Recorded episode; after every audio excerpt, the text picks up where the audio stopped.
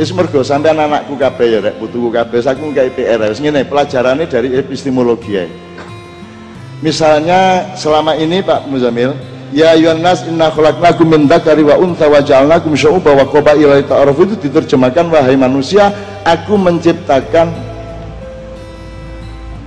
kamu semua laki-laki dan perempuan bersuku-suku dan berbangsa-bangsa. Oke, lagi perempuannya kapan-kapan. Tapi waktu ayat itu turun belum ada konsep bangsa. Belum ada bangsa. Bangsa itu cari lahirnya kapan, abad piro. Jadi tidak ada bersuku-suku dan berbangsa-bangsa. Tolong itu dibenahi juga tafsirnya, gitu ya. Oke.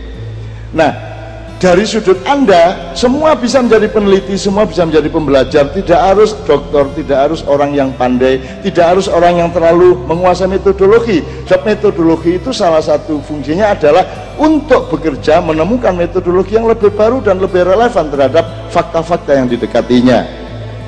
Misalnya ini kok ini, negara itu apa? Negeri apa? Nagari apa saja loh telu itu? Negara, nagari, negeri. Salah satu contoh, beliau ini pegawai negeri dan itu itu salah secara epistemologi. Seharusnya pegawai negara taat kepada undang-undang negara. Kalau negeri tidak punya undang-undang karena negeri itu bahasa kultural, bahasa romantik, dia tidak padat. Jadi kalau pegawai harus pegawai negara. PNS itu pegawai negara sipil. Taatnya tidak kepada pemerintah, tidak kepada atasan, tapi taat kepada undang-undang. Presiden dan satpam di kantor kabupaten sama fungsinya, yaitu wajib taat kepada undang-undang Republik Indonesia. Langsung sih, sekarang enggak taat kepada atasan. Mana dalam undang-undang yang mengatakan bahwa seseorang harus taat, seorang pegawai harus taat kepada atasan? apalagi atasannya adalah tenaga outsourcing sing jenenge wali kota bupati kula gak tahu nyambut gawe di pemerintahan moro-moro dari bupati outsourcing tenaga sementara ya gak terus harus ditaati oleh pegawai yang sudah berpuluh-puluh tahun di situ ini tidak masuk akal negara kita ini gitu ya. Itu contoh dari beda negeri sama negara. Terus cari sekarang di Quran yang biasa yang orang pesantren. Wazzaituni wa turi sinina wa hadzal baladil amin. Di Quran ada balad.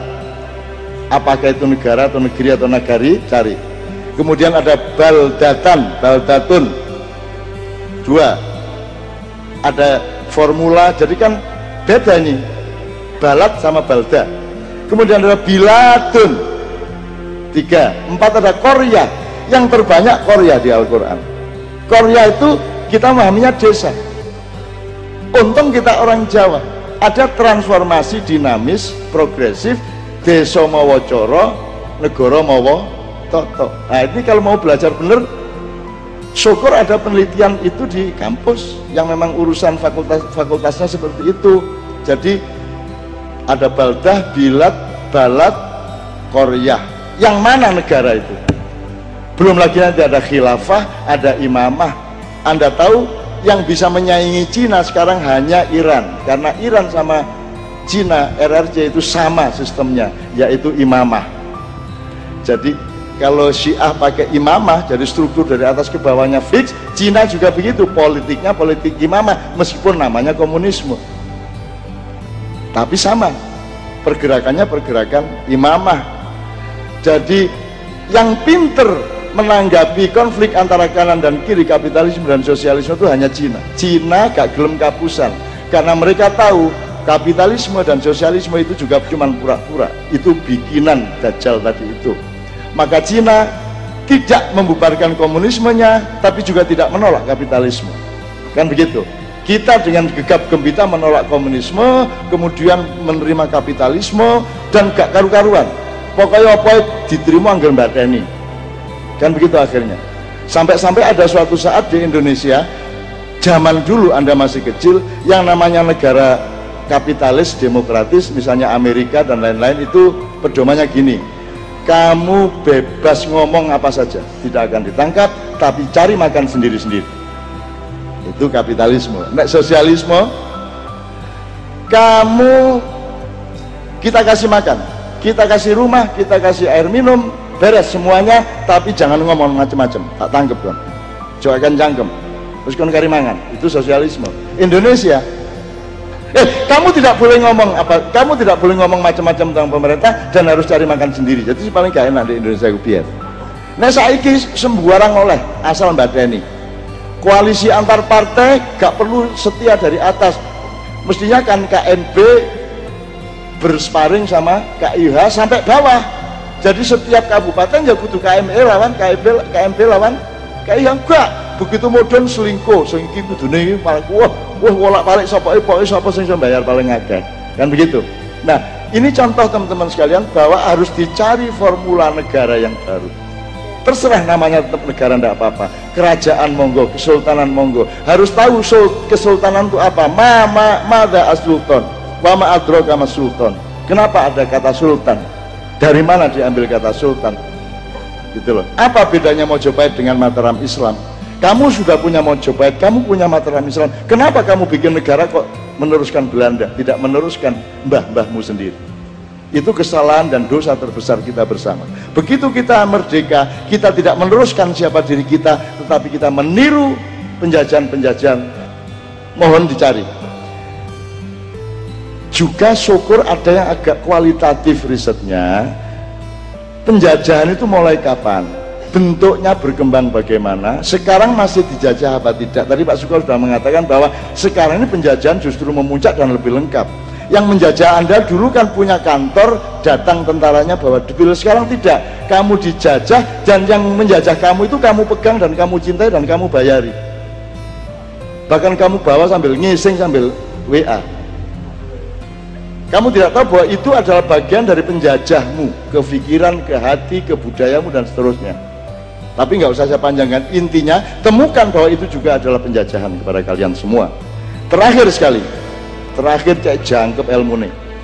Pemahaman kembali mengenai Pancasila syukur ada yang bikin skripsi, syukur ada yang bikin makalah-makalah. Pancasila dipahami kembali, diijeti hati kembali. Yang selama ini di Maknya saya sarankan adalah melihat Pancasila sebagai gradasi manajemen gampang ini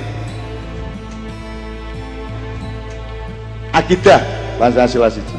Akidahnya dibenerin dulu. Terserah mau Kristen mau Buddha mau apa terserah. Pokoknya beneran sama Tuhan. Nggak main-main. Ya? Baru kamu bikin dunia pendidikan. Baru mendidik anak kecil mendidik siswa mendidik mahasiswa. Itu sila kedua. Yang poinnya adalah kemanusiaan yang adil dan beradab itu dunia pendidikan sila kedua. Kalau sila kedua berhasil kamu pilih di antara yang anak didik yang hebat-hebat yang bagus-bagus yang baik-baik menjadi orang yang akan menghuni institusi-institusi pencipta negara yaitu parpol, ormas dan seterusnya. Itu adalah output dari pendidikan. Seseorang menjadi ketua partai, seorang menjadi anggota DPR kan dihitung berdasarkan kualitas pendidikannya. Jadi parpol DPR segala itu apa itu aslinya adalah dari sila ketiga. Syaratnya sila ketiga adalah bersatu di dalam kerakyatan yaitu persatuan Indonesia. Saya tanya parpol bersatu apa tidak? Maksudnya bersatu di situ kualitatif. Arema lawan Persebaya itu berlawanan untuk bikin gol tetapi mereka bersatu untuk membangun olahraga dan setia kepada sportivitas gitu loh. Ya itu namanya kualitatif. Kuantitatifnya berlawanan kualitatifnya bersatu. Nah itulah syarat Pancasila ketiga. Karena sila ketiga inilah yang akan bikin struktur pemerintahan. Mereka yang menentukan siapa calon presiden mereka yang menentukan siapa calon menteri dan seterusnya kalau parpolnya tidak benar pemerintahan mesti tidak benar kalau pemerintah tidak benar tidak gol sila kelimanya. Sila kelima adalah keadilan sosial bagi seluruh Indonesia. Rakyat juga tolong memahami bahwa urusan kita bukan kemakmuran. Urusan kita keadilan. Kan begitu? Kalau kamu mencari kemakmuran dok pasti tidak adil dan pasti banyak yang sengsara. Tapi kalau kamu urusannya adalah keadilan meskipun tidak sejahtera sehebat sehebat hebatnya tetapi pasti akan lebih sejahtera daripada kalau nggak ngurusin sejahtera makanya jargonnya adalah adil makmur bukan makmur adil. Sebab nek makmur disek gak mungkin adil. Mulanya bapak-bapak dulu bikin adil dan makmur. Bisa jelas toh? Lah kok saiki wong mikir iki makmur eh. aku duwe kanca petang puluh tahun pak. Seniman gak tau kepethuk aku petang puluh tahun. Ku kepethuk aku ngene sampean juga kenal orangnya. Petang puluh tahun gak ketemu. Dan aku wis gak tahu ngurusi soge melarat gak tahu wis gak ono tema iku gak ono di uripku. Aku mek ngurusi pelayanan kepada rakyat. Ngene kepethuk aku takon ngene nun ya kabar jare kowe saiki makmur? Coba piye kuwi wong tuwek melarat sing diurus ning uteke iki makmur nek ana wong duwe mobil dhek emeng motor cemburu dengki coba. Gagal jadi manusia dan anda jangan seperti itu. Kalau anda mengurusi keadilan anda pasti makmur. Tenang aja pasti makmur. Ah itu terakhir ya rumusnya di di di Islam innamal a'malu binniyah. Jadi semua pekerjaanmu itu tergantung niatmu menuju apa wa mangkana hijratu ilallah wa rasul fajratu ilallah wa rasul. Kalau kamu niatnya untuk bertemu Allah untuk selamat di depan Allah innalillahi wa inna ilaihi rajiun maka kamu akan dapat Allah dan dapat tanggung jawab Allah di dunia. Kamu pasti tidak ketelarak di dunia. Mergo Allah mengayomi kamu murabbi. Tapi kalau pamangkana hijratu ila dunya fana lama hajaro ilai kalau kamu mencari dunia Mungkin kamu dapat kekayaan, tapi belum tentu dapat kepengasuhan dari Allah, belum tentu dapat itu dari Allah, dan belum tentu kekayaanmu akan awet di tanganmu. Sebelum kamu meninggalkan, mungkin kamu sudah ditinggalkan oleh harta bendamu. Jadi konco-konco, Anda harus yakin kepada Allah. Wis percaya. Dolek ono Allah, engko Allah tanggung jawab nang awakmu. Nek kon dolek swarga tok, mungkin oleh swarga tapi Allah gak nyopokon ya apa? Lah gak enak sih, gak diwawu. Engko Allah teko terus ketok kon balik, ya apa kon ya? Gak enak sih. Kan ya? Jadi wis ta, nek kon ndolek Gusti Allah mesti oleh swarga mesti gila apa? Tapi nek kon ndolek swarga terus gak tape eling Allah. Jadi ya apa iku kok?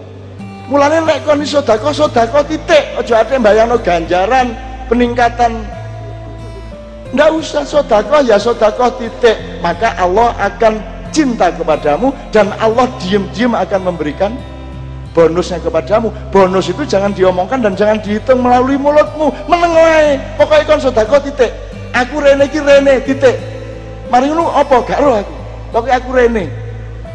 Ketemu awakmu seneng dolek ilmu bareng-bareng seneng karo tak suka karo Pak Rektor karo kabeh. Wes titik itu tok aku gak ndelok pahala apa-apa meneh. Aku gak ro urusane ndek kene. Pokoknya aku ngerti nek ketemu sampean dan aku lega aku ridho dan hanya untuk Allah semuanya. Ini ya wes saiki ngadeg kabeh bareng-bareng.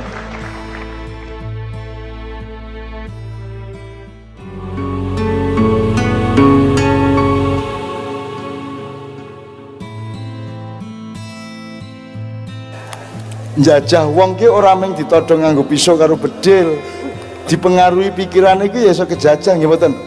Kowe tak kandhani ya upamane Syria iki wis beres Indonesia akan lebih parah keadaannya ya.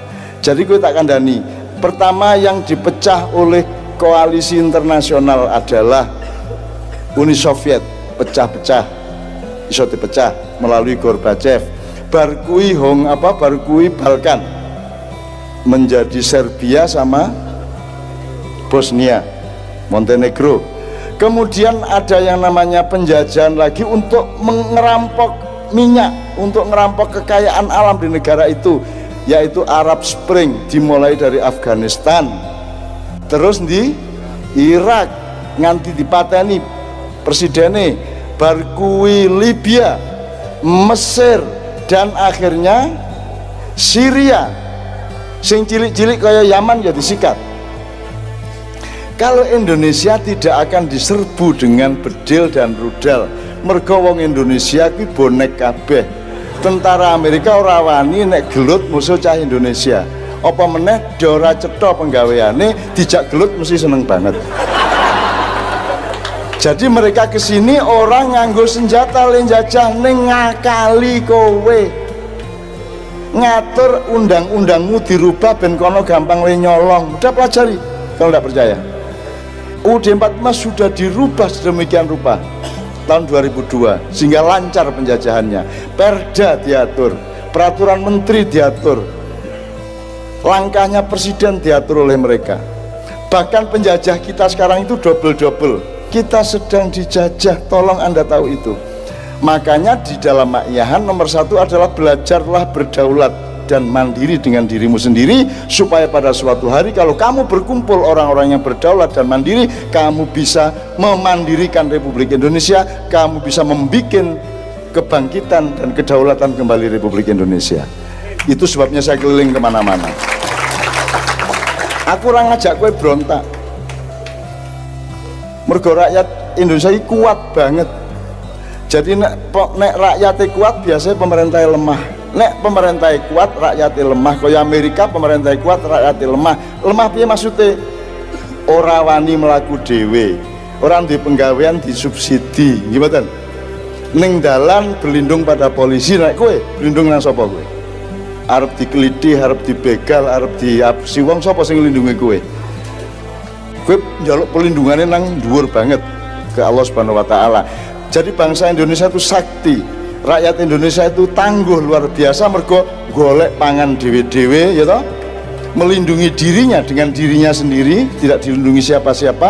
Pak polisi melindungi tapi ada beberapa polisi yang malah mengancam sampai ya tidak semuanya ya. Tetapi negara belum menjadi pelindung.